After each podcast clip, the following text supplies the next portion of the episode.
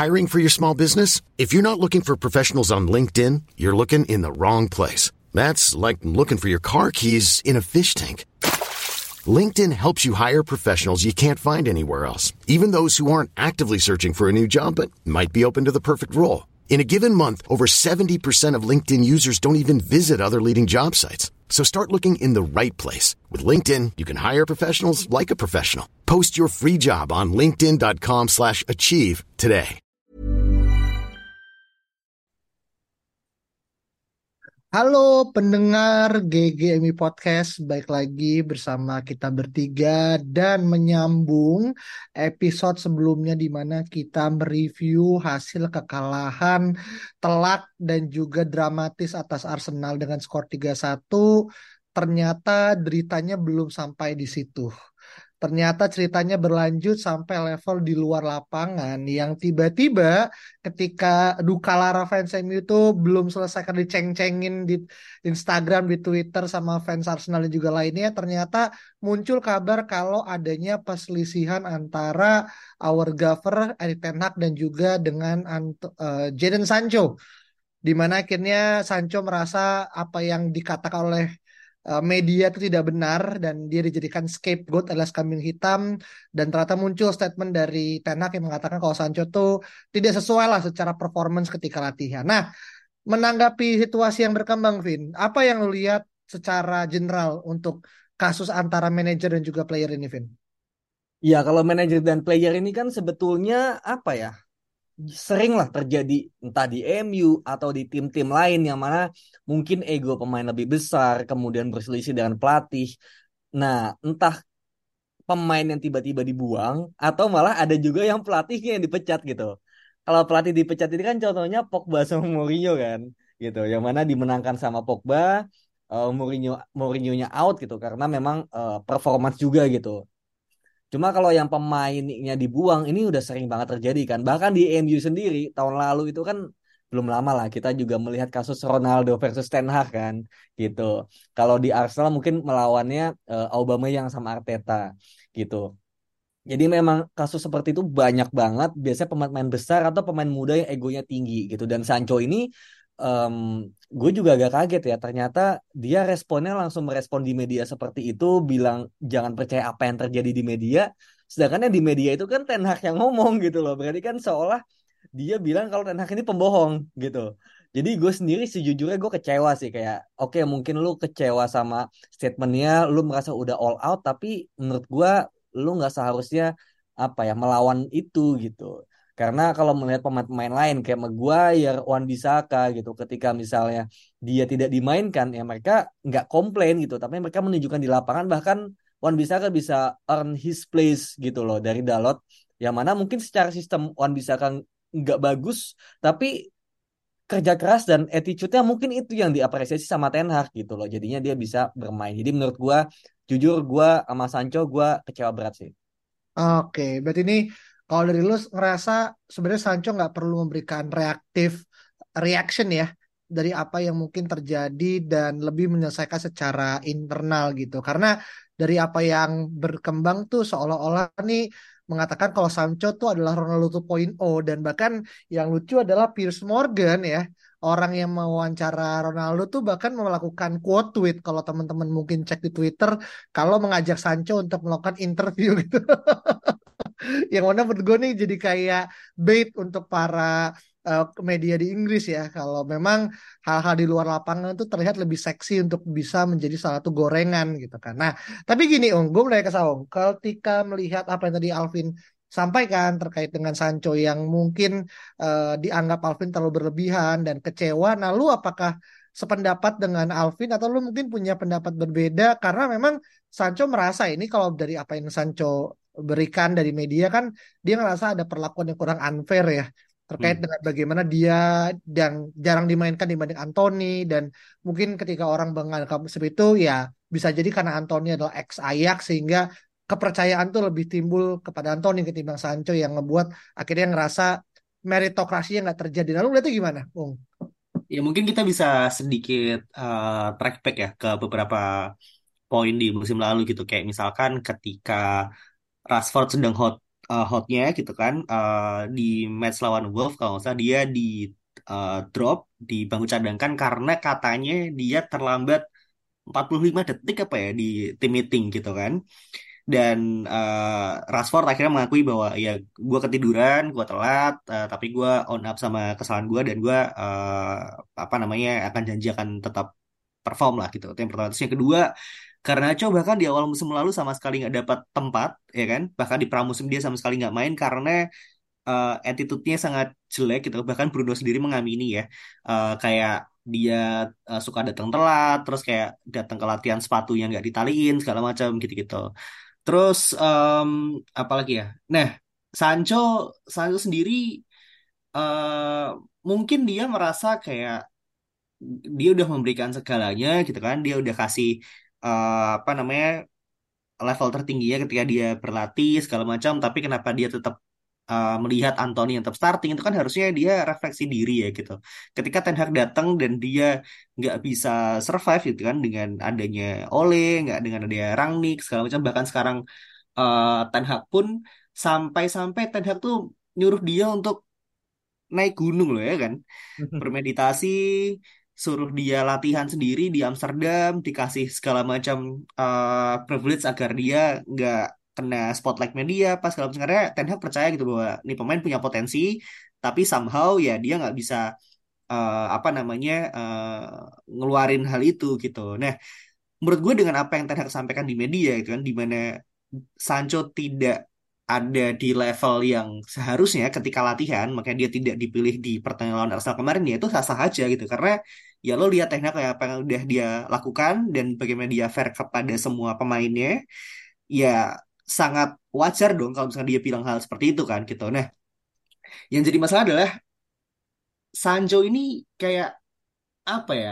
Masalahnya tuh ternyata nggak cuma di United doang gitu. Kayak uh, mungkin orang-orang juga udah pada lihat gitu ya. Uh, kalian juga udah pada lihat ternyata di Dortmund dia sempat bilang hal yang sama. Dia sering jadi kambing hitam. Di uh, timnas pun juga uh, Southgate juga per, apa pernah ngeluh tentang attitude-nya dia saat latihan gitu. Jadi kayaknya ini emang hal yang apa ya yang Ten Hag sudah upayakan untuk dibenerin. Tapi ya ternyata masih uh, kejadian lagi gitu sih. Jadi gue nggak kaget apabila nantinya uh, kita nggak melihat Sancho lagi dan ketika kita melihat Sancho lagi di media mungkin dia udah pakai jersey yang lain sih.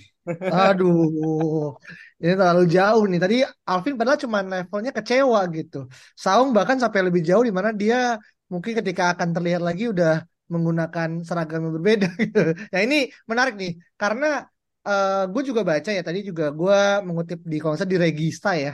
Kalau ada gue nggak tahu nih apakah masih rumor atau sudah pasti kalau akan adanya semacam pemutusan kontrak terminasi lah ya kontrak antara Sancho dan juga MU entah gue nggak tahu apakah ini sepihak atau dua belah pihak memilih untuk memutuskan tapi kalaupun emang sampai sejauh itu gue nggak tahu apakah ini adalah keputusan yang baik atau keputusan yang buruk. Gue bilang ngomong kayak gini karena melihat pada level di mana kita tidak udah nggak bisa lagi nih ngelakuin yang namanya uh, proses transfer gitu kan. Boro-boro kita mau minjem gitu, wong deadline udah tutup gitu. Kita hanya bisa menjual gitu. Kita nggak bisa membeli gitu. Yang mana kalaupun kehilangan Sancho berarti ya harus siap kehilangan stok pemain yang lebih menipis gitu. Di sisi lain, nah ini juga akan masuk ke case yang berbeda gitu. Entah kenapa kutukan di sisi kanan tuh seolah menjadi triple burden ya. Uh, karena uh, Anthony pun juga dikabarkan itu yang tadinya dipanggil untuk ke timnas Brazil tiba-tiba di apa ya dibatalkan gara-gara dia harus masuk ke quote unquote court court ya atau bisa dibilang persidangan lah karena kasus kekerasan dia terhadap mantan pacarnya yang terjadi di tahun 2021.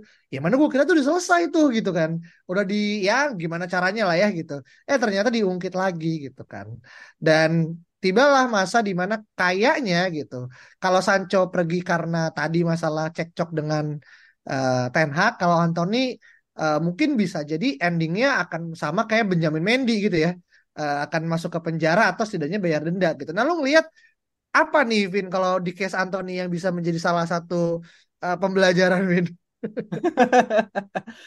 Nggak tahu ya, pokoknya si sisi kanan kita ini lagi banyak masalah ya dari mulai Greenwood kemarin, kemudian sekarang Anthony Anthony udah lebih dulu kan ya Ya. kemudian sempat menguap sekarang muncul lagi dan ternyata Sancho gitu loh yang mana yang sangat disayangkan adalah kalau misalnya Sancho bersabar sedikit gitu bisa menahan emosinya. Mungkin ketika lihat Anthony kena kasus dia seneng gitu. Oh akhirnya gue main gitu. Cuma sayangnya ternyata dia tidak bisa menahan jarinya gitu.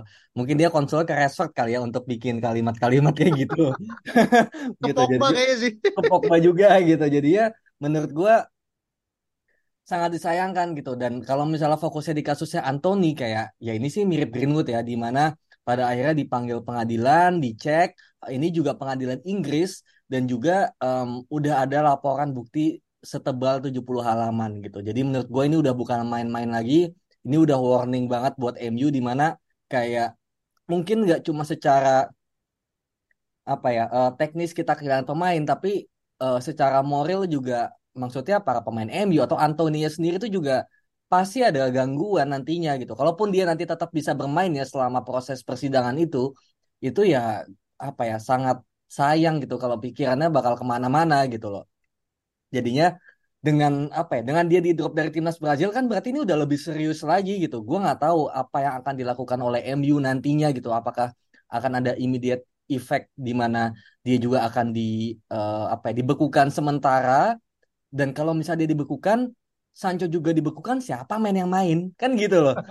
Dan apalagi kita memasuki momen festif di mana Liga Champions kita mulai away lawan Bayern Munchen gitu dan kemudian kita kehilangan dua pemain oleh kasus yang bukan cedera men ini kasus off the pitch gitu ini konyol Iya. banget gitu loh Iya, jangan sampai jadi KDRT FC sih emang. oh nggak cuma KDRT pasangannya KDRT sama manajernya kan gitu Itu Iya. problematik banget sih. Terus gue kalau misalkan Sancho punya masalah sama manajer yang suka uh, nyerang dia gitu ya, dia kan harusnya konsulnya bukan sama Pogba tapi sama Luke Shaw dong. iya Dia dikata-katain nggak punya otak sama Mourinho nya tetap santai loh sampai sekarang ya kan. bisa Nah, buktiin lagi kan bisa buktiin gitu. Jadinya kayak ya itu tadi ya yang yang lo bilang juga bener kalau misalnya dia mau sabar aja gitu kan. Ditinggal tidur aja lah ya, ibaratnya gitu kan. Bisa loh dia starting line up depan dua minggu lagi. iya Emang goblok banget emang.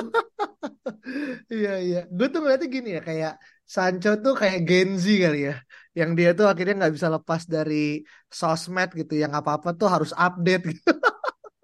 yang kalau ada apa tuh ya orang harus tahu gitu. Dan mungkin di satu sisi dia merasa ketika dia update, mungkin dia ngerasa akan mendapatkan simpati ya, Vin ya, Ung ya, dari para netizen lah kita ngomong gitu kan. Tapi alih-alih sesuai dengan rencana, eh tapi malah malah petaka gitu. Dan harusnya ya, harusnya pemain-pemain besar kayak Sancho dan siapa pun lah ya yang dia pemain pemainnya besar ya? Ya at least dia klub besar lah gitu. Gajinya besar mungkin iya gajinya gajinya besar. besar ya timnya besar gitu kan. Eh, menurut gua semua pemain itu harus punya PR dan gue nggak tahu ya gue udah baca dari mana tapi kayaknya ya ini dari gue lupa tahun berapa gue baca tapi kayak pemain-pemain sekelas Messi Ronaldo tuh pasti punya tim advisernya gitu loh. Ya memang tuju tugasnya dia adalah mengkontrol sosmednya ya pemain tersebut gitu. Untuk apa? Untuk memfilter gitu. Biar nggak terbawa emosi biar nggak terlalu ngebuat seolah-olah tuh kayak it takes apa ya it takes personal lah gitu. Nah itu yang mungkin gue nggak tahu nih apakah Sancho emang nggak punya gitu. Dan kalaupun nggak punya ya berarti mungkin harus ada hal yang dipercepat secara penanganan gitu. Tapi kalaupun akhirnya sekarang nih ya konteksnya Anthony misalkan drop terus juga Sancho juga drop untuk case yang berbeda gitu.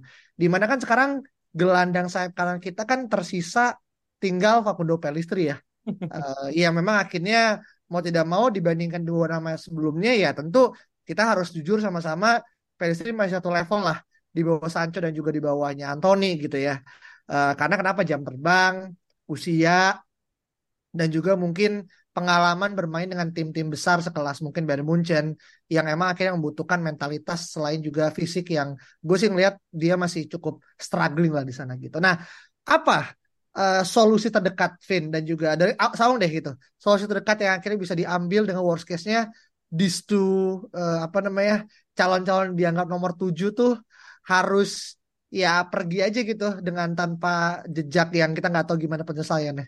Eh, by the way bentar-bentar Eh, sebelum Ya. ke situ gue mau nanya dulu nih menurut kalian ini kalau misalnya situasi nggak berubah nih tentang Sancho, itu Sancho diapain nih? Apakah harus perlu kita jual atau perlu kita kasih kesempatan kedua uh, mediasi dengan Ten Hag atau gimana?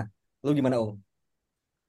Kalau dikasih kesempatan kedua kayaknya melihat apa namanya usaha yang udah dilakukan oleh Ten Hag gitu ya dengan kasih dia segala macam opsi dan juga latihan pribadi gitu dan juga bagaimana dia apa namanya ngefit in Sancho ke permainannya dan sekarang melihat dia dikatain pembohong gitu ya oleh Sancho kayaknya gue gue tidak melihat hal itu akan terjadi sih. Jadi kalau misalkan nanti di bulan Januari akan ada offer yang menurut gue reasonable gitu, kayaknya sih lepas saya sih men. Oke, okay. hmm. kalau misalnya offernya di uh, hmm. bursa ini kan di Turki masih buka ya atau Arab gitu ya. masih buka ya, itu ya. lepas atau enggak nih musim ini sekarang? menurut gue lepas sih karena hal itu udah udah bikin ini ya udah bikin uh, Gaduh ya ganti jadi nggak enak ya bener karena hmm. kemarin katanya sempat dia sempat mau dipit sama Chelsea juga gitu kan sebelum Chelsea akhirnya uh, beli Cole Palmer gitu tapi salah satu hierarki Chelsea juga uh, mention terkait attitude problemnya kan gitu jadi kalau misalkan memang dia harus meniti karir kembali entah di uh, Saudi atau mungkin di Turki ya why not sih gitu yang penting offernya cukup masuk akal itu karena dia kan 75 juta pounds ya kalau nggak salah gitu kan. Gaji dia sekarang itu 350 ribu yeah. per week gitu. Nah, kalau misalnya tadi dia mention dia harusnya punya PR, ya mendingan dia apa namanya hire asisten buat bangunin dia biar nggak telat kan. Tapi kayak nggak mikir sejauh itu. Jadi mendingan emang buru-buru dijual aja sih menurut gue. Iya, iya dan dan uh, mirisnya ya ini dua sayap yang bermasalah kita itu sayapnya mahal-mahal semua men total ini hampir 200 juta kan Sancho hmm. 5 atau 85 gue lupa dan Anthony 100 gitu loh jadi kayak buset deh ini kita investasi bodong banget ya anjir iya iya iya. Tapi kalau gue sendiri ya ngelihatnya sebenarnya kalau berdasarkan apa yang kita lihat sekarang memang nggak ada kata lain selain pisah. Dan menurut gue itulah ketegasan gitu. Cuman gue nggak tahu apakah Ten Hag akan menggunakan cara yang sama kayak Ronaldo, tapi gue ngerasa dengan kasusnya Anthony mungkin cara pandangnya akan sedikit berbeda, Vin.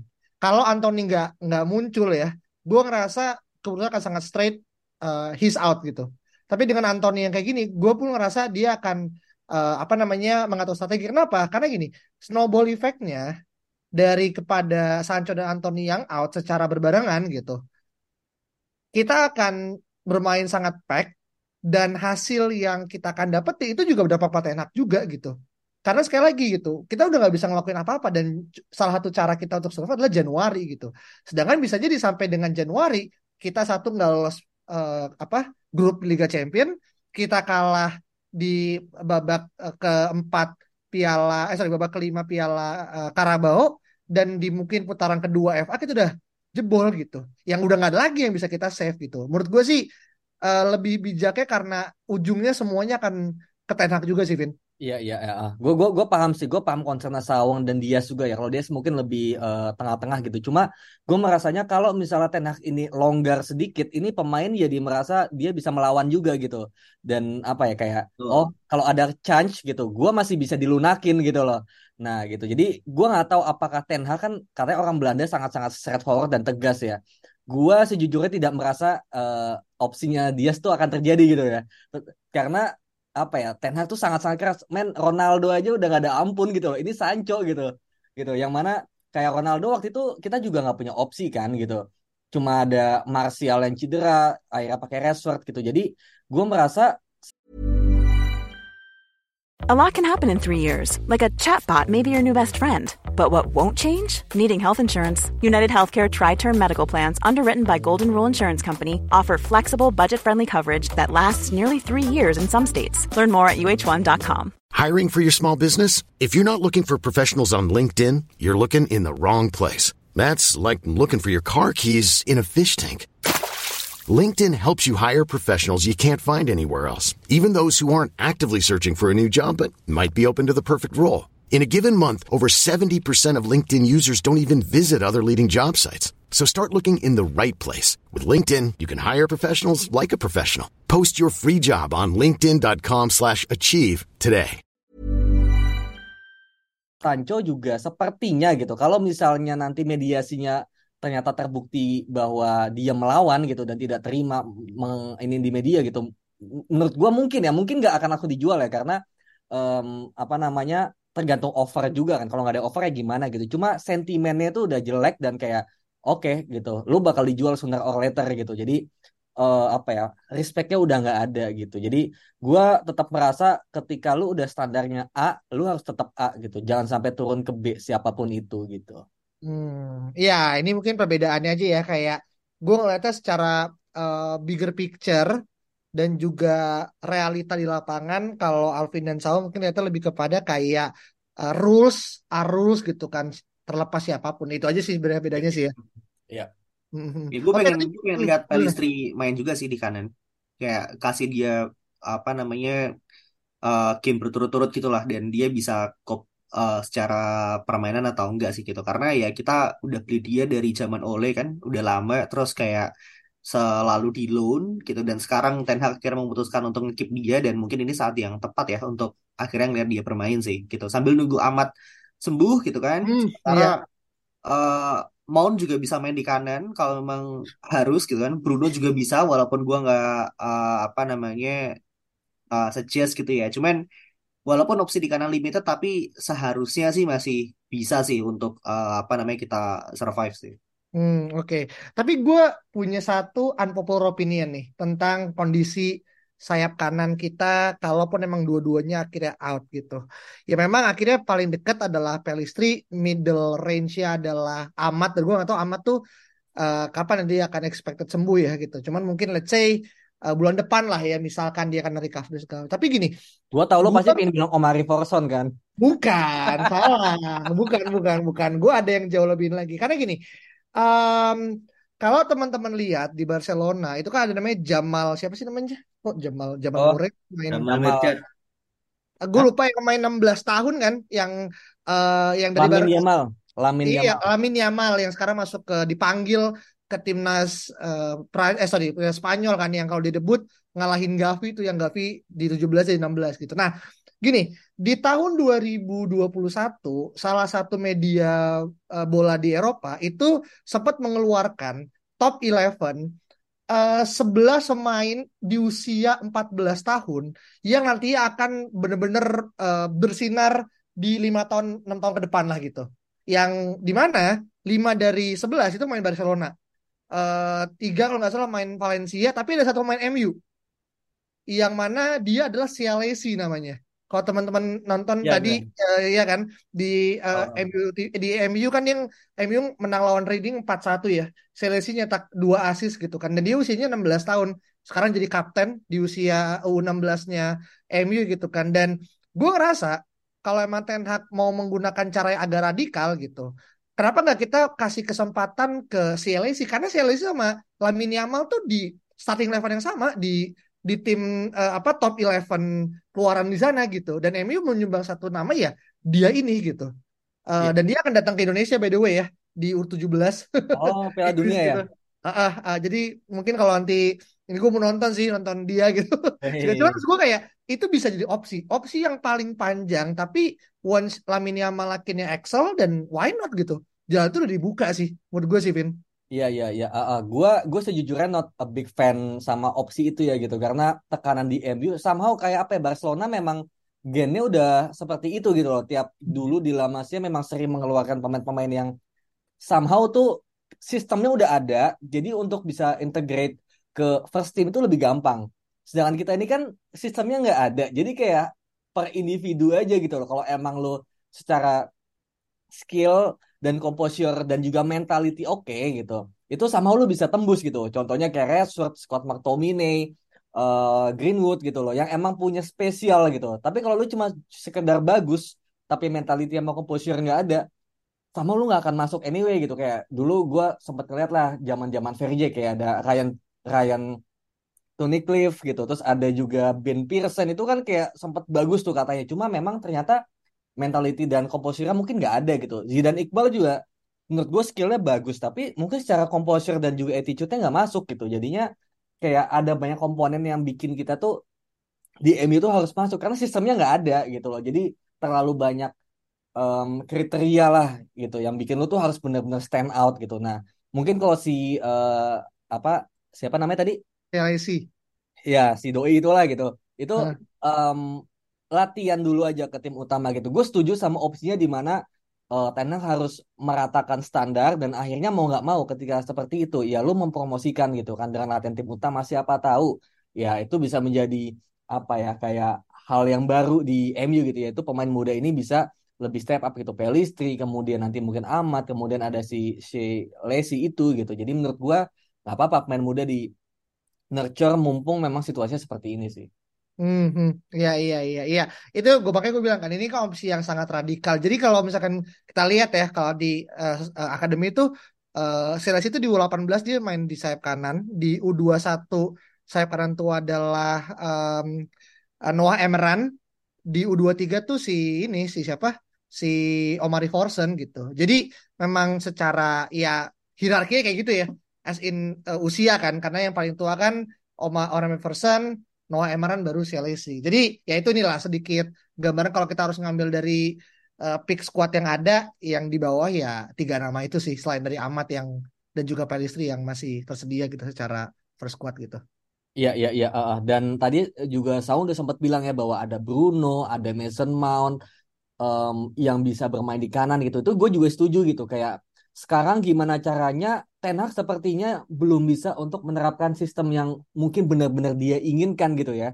Di mana sekarang dia lagi-lagi harus melakukan sebuah adjustment di mana Bruno pun harus mungkin berkorban gitu. Mason Mount pun juga gitu gitu. Yang mana mungkin mereka nomor 8 atau nomor 10 tapi harus bermain di kanan demi siapa ya demi tim gitu. Yang mana ini juga karena ada dua hal yang sangat-sangat force major ya yang bikin ini dua pemain utama harus keluar dan harusnya digantikan oleh pemain yang tadinya di tengah gitu. Dan itu mau nggak mau gitu. Let's say Mason Mount di kanan, Bruno di tengah. Kayak gua gue yakin kita masih tetap bisa bermain dengan bagus harusnya ya. Kalau memang pemain-pemain tersebut mau berkorban dan mau main di sana gitu sih gitu. Dan sistem itu kan nanti bisa adjust gitu kan. Kayak misalnya Mason Mount atau Bruno lebih masuk ke dalam kemudian Wan Bisakanya lebih eh, step up ke depan sebagai eh, wing gitu kan sebagai sayap kanan gitu jadinya nanti belakangnya jadi backnya tiga jadinya gitu jadi banyak variasi taktik yang semoga ya eh, Ten Hag ini juga bisa beradaptasi dan mungkin kalau tadi eh, dia situ eh, si Lacy itu kalau gua mungkin unpopular opinionnya adalah Diogo Dalot yang di kanan gitu Oke. Oh, Karena Diogo Dalot ini kan dalam bertahan mungkin kalau di kanan agak-agak ringkih gitu kan. Sedangkan kalau di kiri dia bagus. Nah, gue mau melihat gini, duo kombinasi antara Wan Bisaka dan Diogo Dalot di kanan itu seperti apa gitu ya. Mungkin emang nggak bagus banget, tapi at least itu bisa jadi opsi di mana ketika pakai Mount mentok, pakai Bruno mentok ya, lu coba Diogo Dalot di sana gitu. At least dia punya visi, visi bermain. Mungkin crossing juga masih gitu-gitu aja, tapi kita lihat kemarin on Arsenal dia ada crossing kaki kiri yang bagus ya ke Bruno gitu. Jadi kayak dia tuh punya kemampuan untuk crossing atau cutback gitu. Jadi Hmm. why not kita gunakan segala cara untuk bisa memaksimalkan squad yang ada di tengah krisis gitu sih. Tapi gini, gue mau nanya ke Saung. Em, ini unpopular lagi ya, karena kan kita kan mencoba melempar segala bentuk opini. eh what if kalau yang ditaruh di kanan adalah Rasmus Højlund? Dia kan adalah pemain berkaki kiri ya dan kita tahu kemarin aja dia kan memang main dari agak geser tengah tapi ke kanan dan dia akhirnya ngelakuin duel sama eh, siapa namanya em, Gabriel gitu kan. Dan menurut not bad. Dan ini kan sama kayak kejadiannya Greenwood yang awalnya adalah striker mulu tiba-tiba dipindahin ke kanan hanya karena dia punya akselerasi dan punya lekukan-lekukan yang akhirnya bisa ngebuat dia tuh terlihat ini. Makanya kalau lu ingat pada ta- pada saat Greenwood itu masih ada dan kita dikaitkan dengan striker, jokesnya orang-orang di Inggris, dia bilang gini, does he can play on the right wing on or not gitu. Itu kan semacam kayak sar sarkasme tentang semua yang pemain depannya kaki kiri itu harus bisa ditaruh kanan gitu.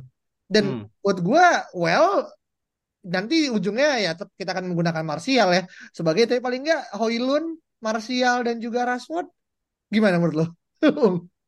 Iya lah kalau misalkan Højlund ditaruh di kanan sih ini ya apa namanya Kriminal ya.